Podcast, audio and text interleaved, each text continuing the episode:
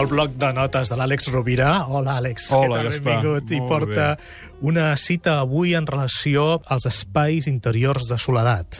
La importància, efectivament, de conrear la soledat, o la solitud, diguem-li com vulguem, i m'agradaria començar el bloc de notes d'avui llegint un text eh, magnífic de Jiddu Krishnamurti, que diu el següent. Per al desenvolupament total de l'ésser humà, és indispensable la solitud com un mitjà per a cultivar la sensibilitat. Un ha de saber què és romandre sol, allò que és meditar i fins i tot allò que és morir. I les implicacions de la solitud, la meditació i de la mort només poden ser conegudes si un les anela. Aquestes implicacions no poden ser ensenyades, han de ser apreses. Clar, és extraordinari Krishnamurti perquè d'alguna manera eh, ens convida a conrear els espais de solitud i llegint-lo pensava aquests dies que vivim en una època eh, que és abrumadora eh, pel que fa a les atraccions que ens centrifuguen, que ens treuen del nostre eix, no?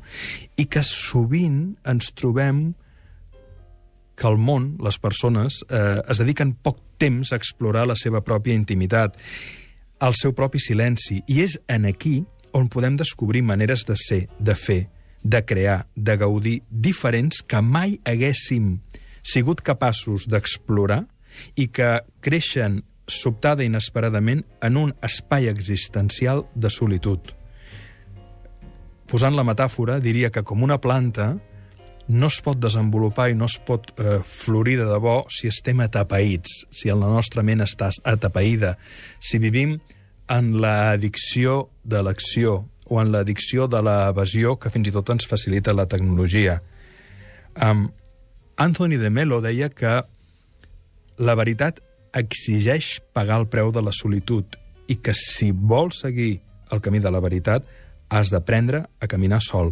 No estic parlant d'aïllament, no estic parlant de l'egoisme d'aquell que diu um, jo estic bé i els demés que es fumin. No, no, no, no. Estem parlant de generar un espai de trobada amb un mateix per, reprenent el que parlàvem l'altre dia, generar una mirada apreciativa respecte a allò essencial que ens envolta i que gairebé mai li prestem atenció. Quan ho fem, aleshores ens podem donar al món i podem brindar els nostres recursos que hem conquerit en l'espai de solitud.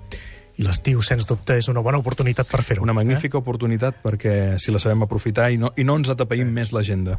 Gràcies, Àlex. Una abraçada. Una abraçada bona setmana. molt forta.